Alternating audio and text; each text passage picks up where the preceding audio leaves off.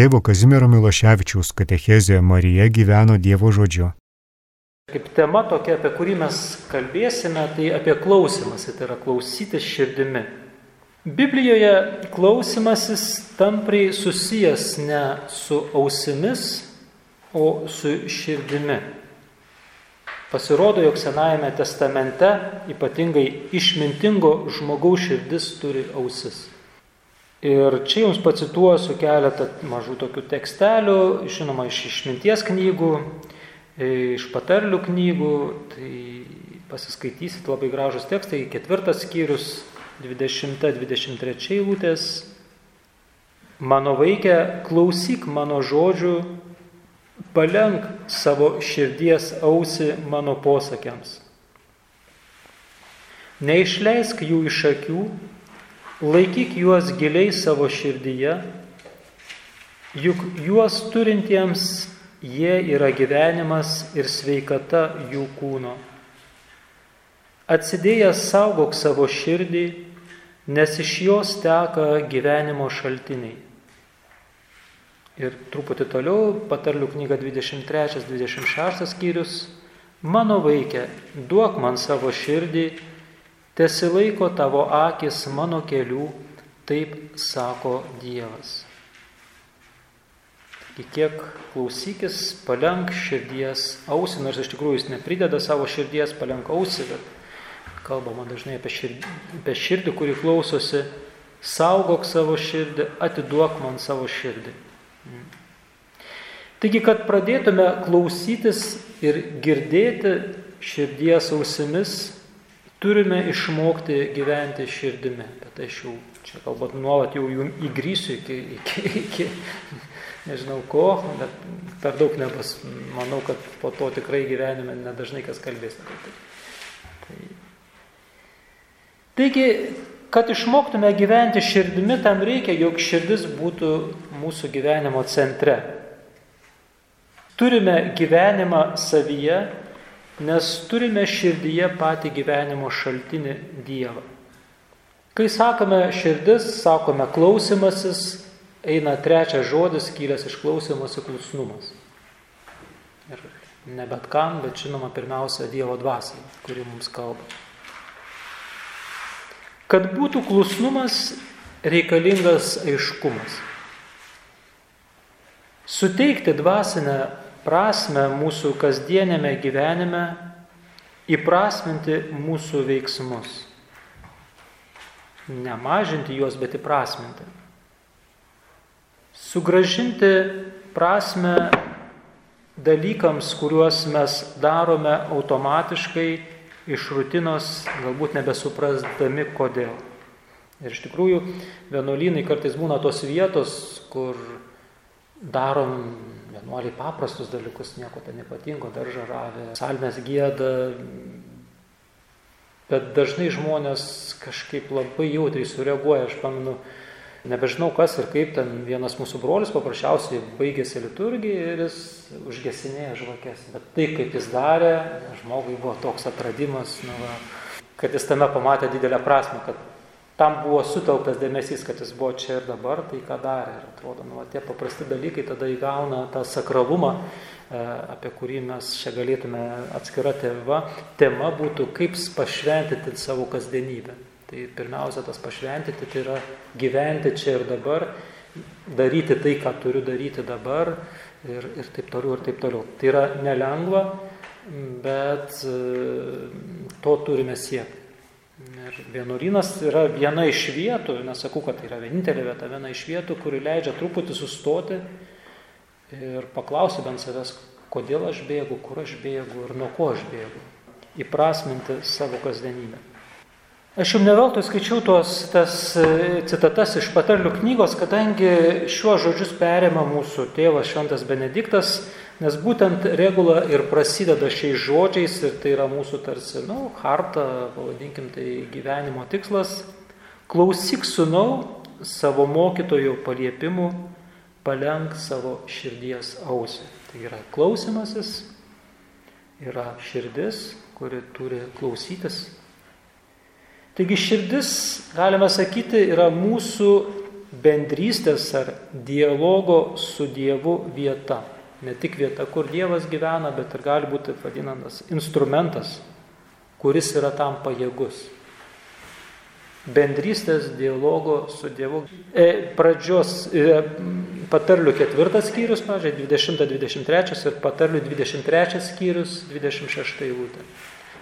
Ten labai daug kalba, šiek tiek keletą citatų paėmiau, bet aplamai išminties knygos labai kalba apie tą vat, klusnumą, klausimąsi.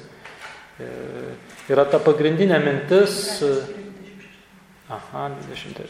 Yra ta pagrindinė mintis, kuri man labai patinka iš būtent išminties knygų, knygų kad, kad sunus taptų vieną dieną tėvų, kuris gali perduoti savo sunums tą patirtį, jis pirmiausia turi išmokti būti sunumi kaip ir dukra, kad taptų vieną dieną motina, pirmiausia turi mokėti būti klusnumu, klausimusi, būtent tai leidžia jam tapti tuo, nu, tuo kuo į ką jis yra pašauktas. Dėl to patalių knygui labai tas klausyk mano sunau, tai ką aš kalbu, ką tėvas sako, ką perdoda, tą visą gyvenimo išmitį ir taip pat tai liečia dukrą motinos atžvilgiu. Taigi širdyje Dievas mums atsiveria Bet kartu jis prašo mus atsiverti ir Dievo atvirumui, ta prasme, kad tai yra abipusis atvirumas, kad nėra kažkokių sienų tarpusavį, tarp mūsų, tarp Dievo ir manęs. Dievas kviečia mus iš egocentrinės izolacijos, kalbėjome apie tą paiką turtuolį, į susitikimą, į dialogą, į bendravimą su juo ir taip pat į tą bendrystės dovaną, į kurią jis kviečia.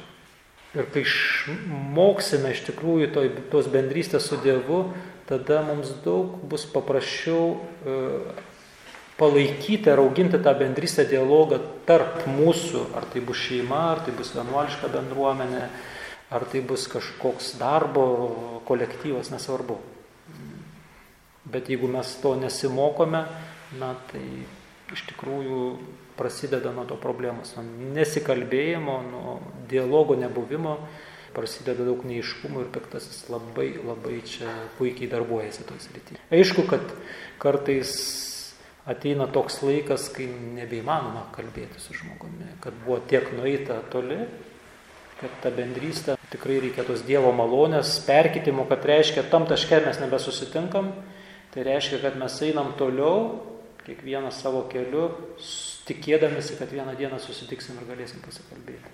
Tai galioja vienuoliška bendruomenė, tai galioja šeima, ir taip toliau. Bet tam reikia eiti, to reikia trokšti, norėti. Tai nesidaro savaime, kad aš čia palauksiu ir viskas susitvarkys. Taigi Dievas moko mus dialogiškumo. Dieve santykis yra tikslas, o ne priemonė. Ta trejybė būtent yra tuo, sakyčiau, mūsų Dievas ypatingas, kad jį įmanoma tik tai bendrystėje žvelgiant vienas į kitą. Tas santykis, ta vadinama graikiška žodis perichorezė, kur kiekvienas žiūri visi kitą. Ne į save žiūri, bet į kitą žiūri. Ir kaunasi ta, tas meilės santykis, na, kuris nuolat yra surūvantis, jis nuolat dinamiškas. Tai dialogas iš širdies į širdį. Žinoma, kad Dievas bendrystėje neprievartauja, Jis mus kalbina, kviečia, prašo, o kartu ir suteikia jėgų atsiliepti, kai mums yra sunku išeiti iš savo keuto. Norėčiau dar truputėlį jums pacituoti vieną tekstą, kurį mes skaitome, manau, kad ir seseris skaito per naktinę, šiaip šeštadieniais jį skaitome, tai yra iš to pačio pakartoto įstatymo knygos, yra, prasideda, tai yra pirmi dialogo žodžiai iš tikrųjų, kuriuos mes dažnai praleidžiame. Tai pakartotas įstatymas, šeštas skyrius, ketvirtas, šeštas eilutės ir tam aišku toliau prasidės visas dialogas. Klausykis Izraelį, tas šuma Izraelį, kad viešpats yra mūsų Dievas, vien tik viešpats. Mylėsi viešpati savo Dievą visa širdimi, visa siela ir visomis jėgomis. Paimk iš širdį šiuos žodžius, kuriuos tau šiandien įsakau, Taigi pirmasis įsakymas Izraeliui, tai tuo prasideda dekalogas, dešimt Dievo žodžių, dešimt Dievo įsakymų, yra ne mylėk, kaip mes esame įpratę galvoti, bet klausyk. Klausykis Izraelį. Pirmas įsakymas. Kad viešpats mūsų Dievas yra vienatinis ar vienintelis viešpats. Žinoma, klausyk ne vien ausimis, bet ir širdimi. Šiame įsakyme slypi visas judaizmo tikėjimo išpažinimas. Kaip mes sakome, tikiu, tai žydai sako, klausykit. Na, tiksliau, Dievas sako, klausykit. Ta įsakymą Dievas per Mozę davė žydų tautai ant Sinajaus kalno. Būtent čia Dievas išskirtiniu būdu įžengė Izraelio tautos istoriją, o per šią tautą į visos žmonijos istoriją. Taigi pirmiausia, ko viešpats iš mūsų prašo, ne ką nors veikti, ne ką nors daryti, bet klausytis. Klausytis širdimi, nes Dievas nuolat kalba kiekvieno iš mūsų gyvenime. Kiek mes padarysim tą savo instrumentą jautrų, tiek mes, na, sakyčiau, eisime to teisingo gyvenimo keliu. Žinoma, kad kiekvienas, kiekvienas žmogus, Dievas kiekvienam kalba labai asmeniškai, kiekvienam savitą kalbą, kaip aš esu susiformavęs, kaip esu išaugintas, kokie dalykai man primtinamesni, vienam per muziką, kitam per poeziją, trečiam per filosofiją, kitam per kažkokį filmą, žinau, kad ir muilo opera, nes vaikai mėgsta žiūrėti. Dievui nėra negalimų dalykų, čia yra stebuklas jau. Bet jeigu mes, aišku, užkimšim ausis, tai ir pat širdį uždarysim, tai nelabai ką išgirsim. Gal blogiausia būtų, kai širdis sugangrenuoja, kai tampa nebepajėgi išgirsti, jeigu per daug ilgai mes ją ignoruosime. Taigi iš tiesų klausytis Dievo žodžio, jam paklusti, juo gyventi tai ir reiškia mylėti. Todėl ir antras žodis - klausykis Izraelį, po to mylėsi viešpati savo Dievą visą širdimi. Taigi širdimi klausyti žodžio, kuris buvo pradžioje. Širdis, širdimi klausyti žodžio, kuris nėra apie Dievą, bet kuris yra Dievo žodis, kuris yra Dievas. Širdimi klausyti žodžio, per kurį aš atsiradau ir kuris kaip šviesa apšviečia mane ir mano gyvenimą. Širdimi klausyti žodžio, kuris tapo kūnu ir gyveno tarp mūsų. Pašodžiai pasistatė palapinę tarp mūsų. Ir klausytis bei mylėti viešpati savo Dievą visą širdimi, visą sielą, visų protų ir visomis jėgomis arba sugebėjimais, kuriuos tu turi, taip, visų savo asmenį. Dievas mūsų prašo ne tik klausytis širdimi, bet saugoti Dievo žodžius savo širdyje. Ir šiuo atveju tai, aišku, Marija, kur yra visada mums pavyzdys, mes apie tai čia jau kalbėsime, bet yra žodžiai, kuriuos mes išgirstame, bet kurių mes nesuprantame. Galbūt tik išgirdome Evangelijoje, talentus, aha, ką tai galėtų reikšti, tai gali nešioti kelis metus ir bandyti suprasti, ką tas tekstas būtent man norėjo pasakyti ar kažkam kitam pasakė, pasiūlė kažkokį kitą tekstą ir panašiai. Taigi nebijoti e, nešioti tos Dievo žodžius savo širdie, kol ateis aiškumas. Bet lygiai taip pat mes galime nešioti ir savo klausimus, kurie liečia mūsų gyvenimą, kuriuos mes iškeliame Dievui. Ir nepavargti, klausti Dievo, laukti, kol ateis aiškumas. Nenorėkime gauti atsakymą iš karto. Tai irgi yra nu, labai svarbus dalykas. Širdis tampa Dievo žodžių saugykla. Meilė Dievui prasideda širdyje, todėl būtent čia turi būti saugomi įstatymo žodžiai. Ir būtent šis tekstas įkvėpė pranašą Jeremiją parašyti žinomą pranašystę apie naująją sandorą. Būtent sandora, kuri bus jau neužrašyta ant akmens plokščių, kaip mozai buvo, bet įrašyta į širdį, į žmogaus širdį. Vėlyvesnis pakartoto įstatymo knygos tekstas, kurį mes skaitėme šiandien ryte, iš to 30 skyriaus, perima šiuos šią mintį.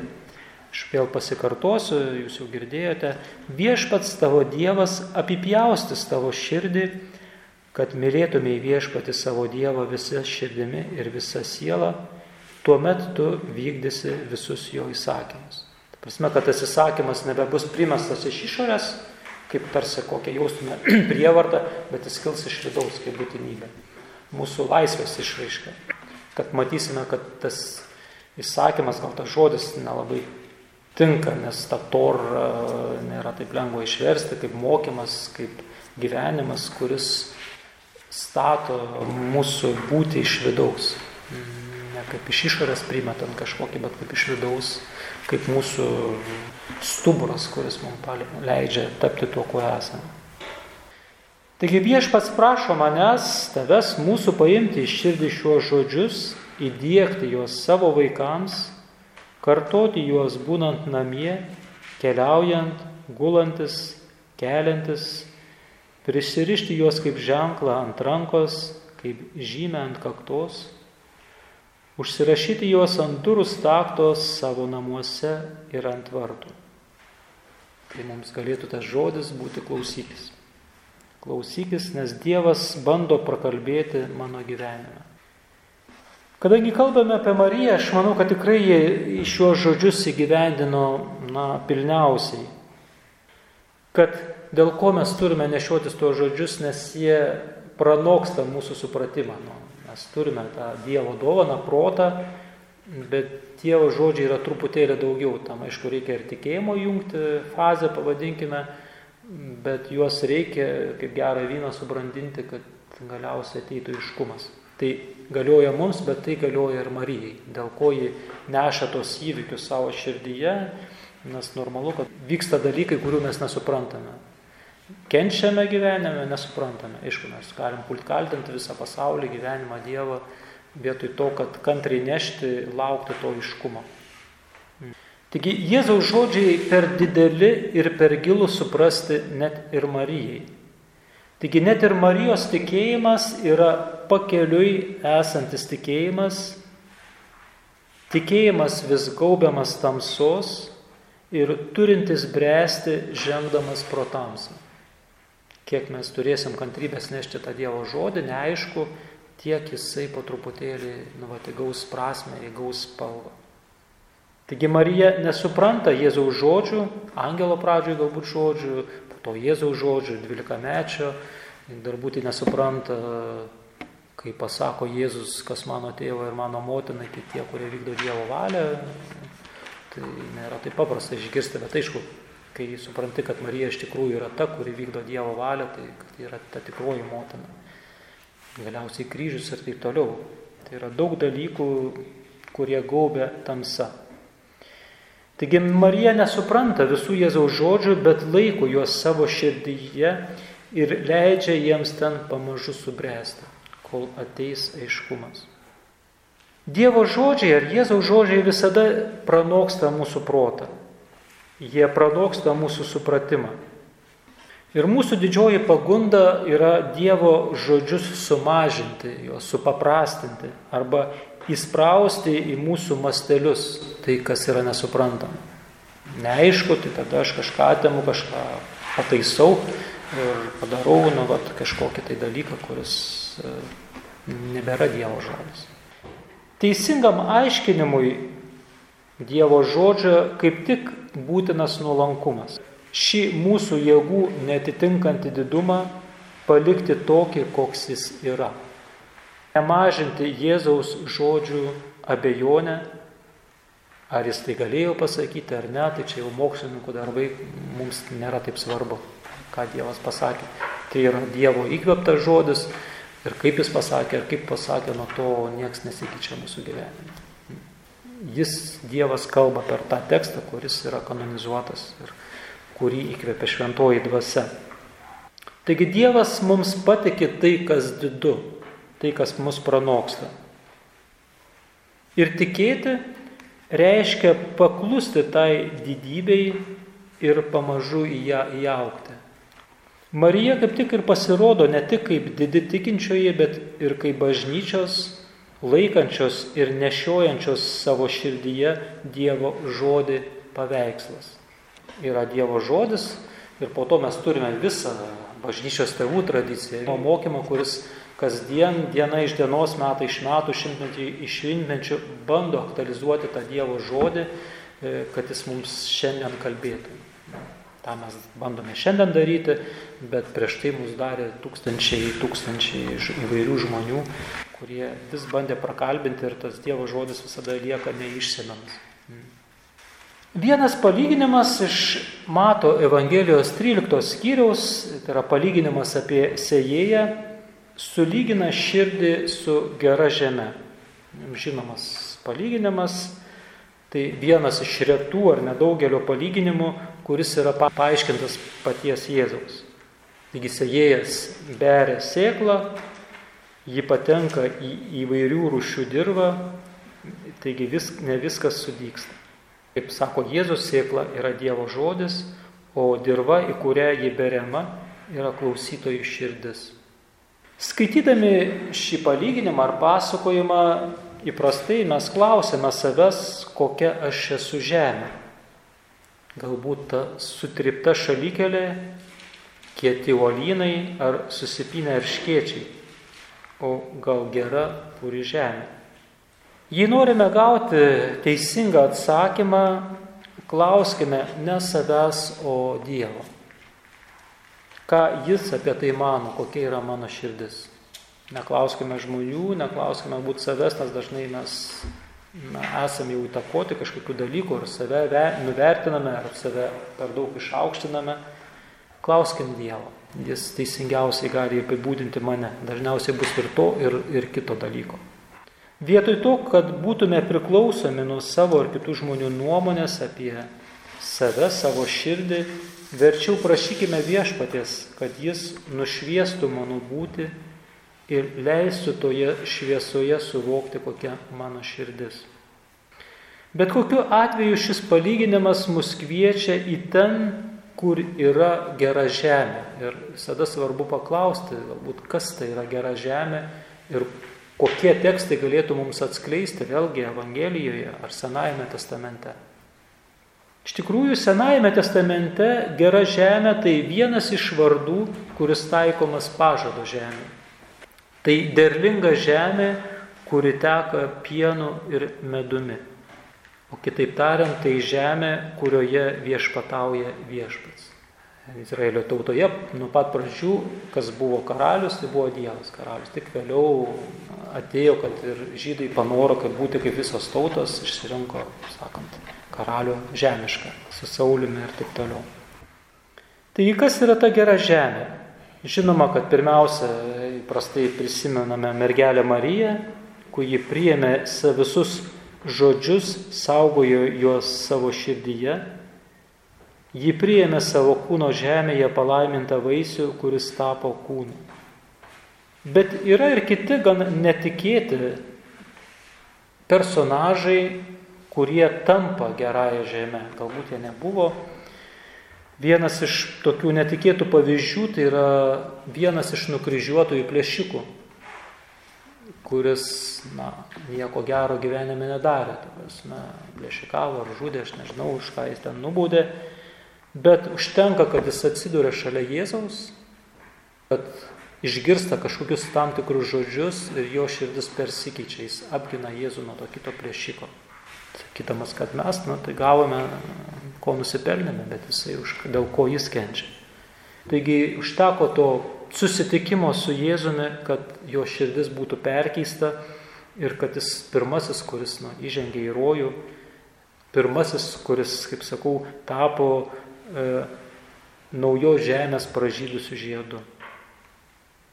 Taigi, mokytis gyventi širdimi, tai mokytis būti vaiku, tai yra sunumi ar dukterimi, meilės saitų susijęto su Dievo tėvu.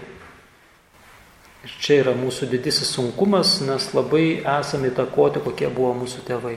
Ir kiek jie mums perteikė tą savo tėviškumą, motinystę, ta prasme, kad mes išgyventume tą savo suniškumą ar dukteriškumą. Kai jo negauname, labai sunku po to tapti tikrais vyrais ir moterimis. Dievas kviečia būti sunumis ir dukterimis, tai yra gyventi ir visko laukti iš Dievo rankų. Galbūt yra sunkiausias, kad mes norime dabar viską gauti ir iš karto.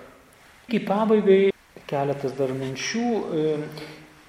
Širdis tam tikra prasme nėra mūsų nuosavybė, bet dovana susitikimui ir bendrystėj su Dievu.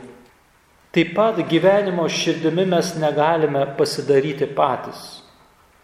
Mes galime jį gauti e, ir gauname tiek, kiek jį priimame dovanai. Dievas mus sukūrė, kad dovanotų mums gyvenimą Todėl turime mokytis priimti šią Dievo dovaną. Priimti iš tikrųjų save patį. Esame pripratę gyventi darimo ar pasidarimo režime. Nu, aš visą galis, aš viską padarysiu, aš viską suprasiu, man nereikia kitų pagalbos. Taigi turime pereiti nuo darimo prie prieimimo režimo. Mokėti priimti, duoti, o kartu mokėti priimti. Jei darimo pastanga nu, toks žodis nelabai gražus, yra su tikslu tapti turtingu, tai gavimo pastanga yra tapti beturčiu. Norint gauti, turime išmokti tapti beturčiais. Nes jeigu aš viską turiu, aš nieko ir neprašau. Bet kai aš esu beturtis, na, ta prasme, mokausi prašyti iš Dievo gerų dalykų.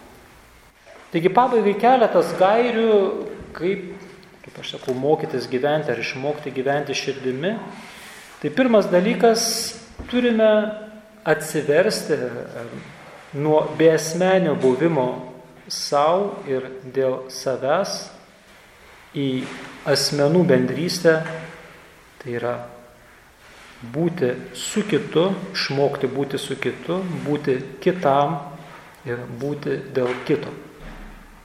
Atsiversti tai atsižadėti tos pasidarimo nuostatos, atsiverti prieimimo nuostatai, nes Dievas viską duoda. Kitaip tariant, atsižadėti vien savo pastangomis įgyvendinti savo gyvenimo paskirtį. Vien savo pastangomis. Taigi turime mokytis prašyti, mokytis elgetos tiesos išmokti na, to nuolankumo, dėkingumo ir gebėjimo priimti. Ir kartu ta didžioji dovana leistis nuolat būti perkeičiamam. Taigi atsivertimas nuo besmenio buvimo savo dėl į asmenų bendrystę. Antras dalykas, nemažiau svarbus, tai kad išmoktume gyventi širdimi, turime pasitikėti, kad tai, ko mums labiausiai reikia, ir ko negalime pasidaryti, mes tikrai gausime, nes yra Dievas, kuris duoda ir kuris nori duoti. Tik čia ta mažoji problema, kuri iškyla, kad mes dažnai prašome labai mažų dalykų mums, Dievas nori duoti labai daug ir mes, kad išsaugotume savo lėlę mažą, atmetame visą mašiną gražių lėlių ir gražių, sako, mums to nereikia, mums tik tos lėlytės reikia. Tai čia prasideda tas konfliktas tarp Dievo ir manęs, atiduok tada duosi, bet aš netiduodu. Ir sakom, Dievas mums neduoda tada. Tai yra pasitikėjimo būtent klausimas, kad Dievas nori duoti, bet kažką mes turime paleisti, kad jis galėtų duoti daugiau. Turime atsiverti gelbstinčiai ir gydančiai Dievo tėvo meiliai, jo atvirumui mokymui, perkeitimui, jo kuriamai manyje Dievo karalystėj, atsiverti jo veikimui. Jeigu pasitikėsime, tikrai gausime, nes yra Dievas, kuris nori mums duoti gerų, labai gerų dalykų. Kad išmoktume, čia trečias dalykas, kad išmoktume gyventi širdimi, turime būdėti, tai yra pirmiausia saugoti savo širdį arba būdėti prie savo širdies vartų o taip pat klausytis širdies, išgirsti ją. Kitaip tariant, turime lavinti širdies klausą. Kaip muzikoje reikia lavinti, taip ir dvasiniam gyvenime reikia lavinti širdies klausą. O laviname širdį mažais pritarimais. Čia jau kiekvieno mūsų rūpestis darbas, dažnai sakau, mes turime tokius mažus įkvėpimus, nebūtinai kažkokiem labai dideliem dalykam, bet kažkam nusišypsoti, kažkam paduoti ranką, kažką padovanoti, ir taip toliau. Ir čia vat, ir vyksta tas atsiliepiam ar ne, atsiliepiam ar ne. Nuo to arba auga mūsų jautrumas tam dvasios prisilietimams arba aplam, po truputėlį mes kietėjam. Ir kas gal mums sunku, kad tai yra neprognozuojama. Tai atsitinka staigiai, kaip ir, ir iš Dievo atsakymai ateina tada, dažniausiai, kai mes nebelaukime. Jau nusivylę, viskas čia baigta ir staiga aiškumas paprastai. Kad išmoktume gyventi širdimi, turime, aišku, mokytis paklusti. Tai va, su džiaugsmu ir ne šiaip kaip paklusti, dantis sukandus, bet su džiaugsmu, noriai, negaištant, nesiderant, linksmai, be murmėjimo, pritarti širdies balsai. Čia didžiausias iššūkis. Ja. Dievas iš tiesų myli linksmą davėją. Ir kaip žinote, kad iš tikrųjų tas didysis klusnumas tai yra Jėzaus klusnumas savo tėvui, jo, jo valios įgyvendimui. Čia žydams atrodo laiškė, kur sako, kad Jėzus išmoko klusnumo kentėdamas. Ir aišku, klusnumas suvokiamas tik santykėje sunaus ir tėvo ar dukters ir tėvo santykis. Tai jeigu tai yra vergo santykis, tai jis nebus joks, joks klusnumas. Tai yra tiesiog vengimas bausmės. Ar verslininko, kuris derasi su Dievu, tada vėlgi.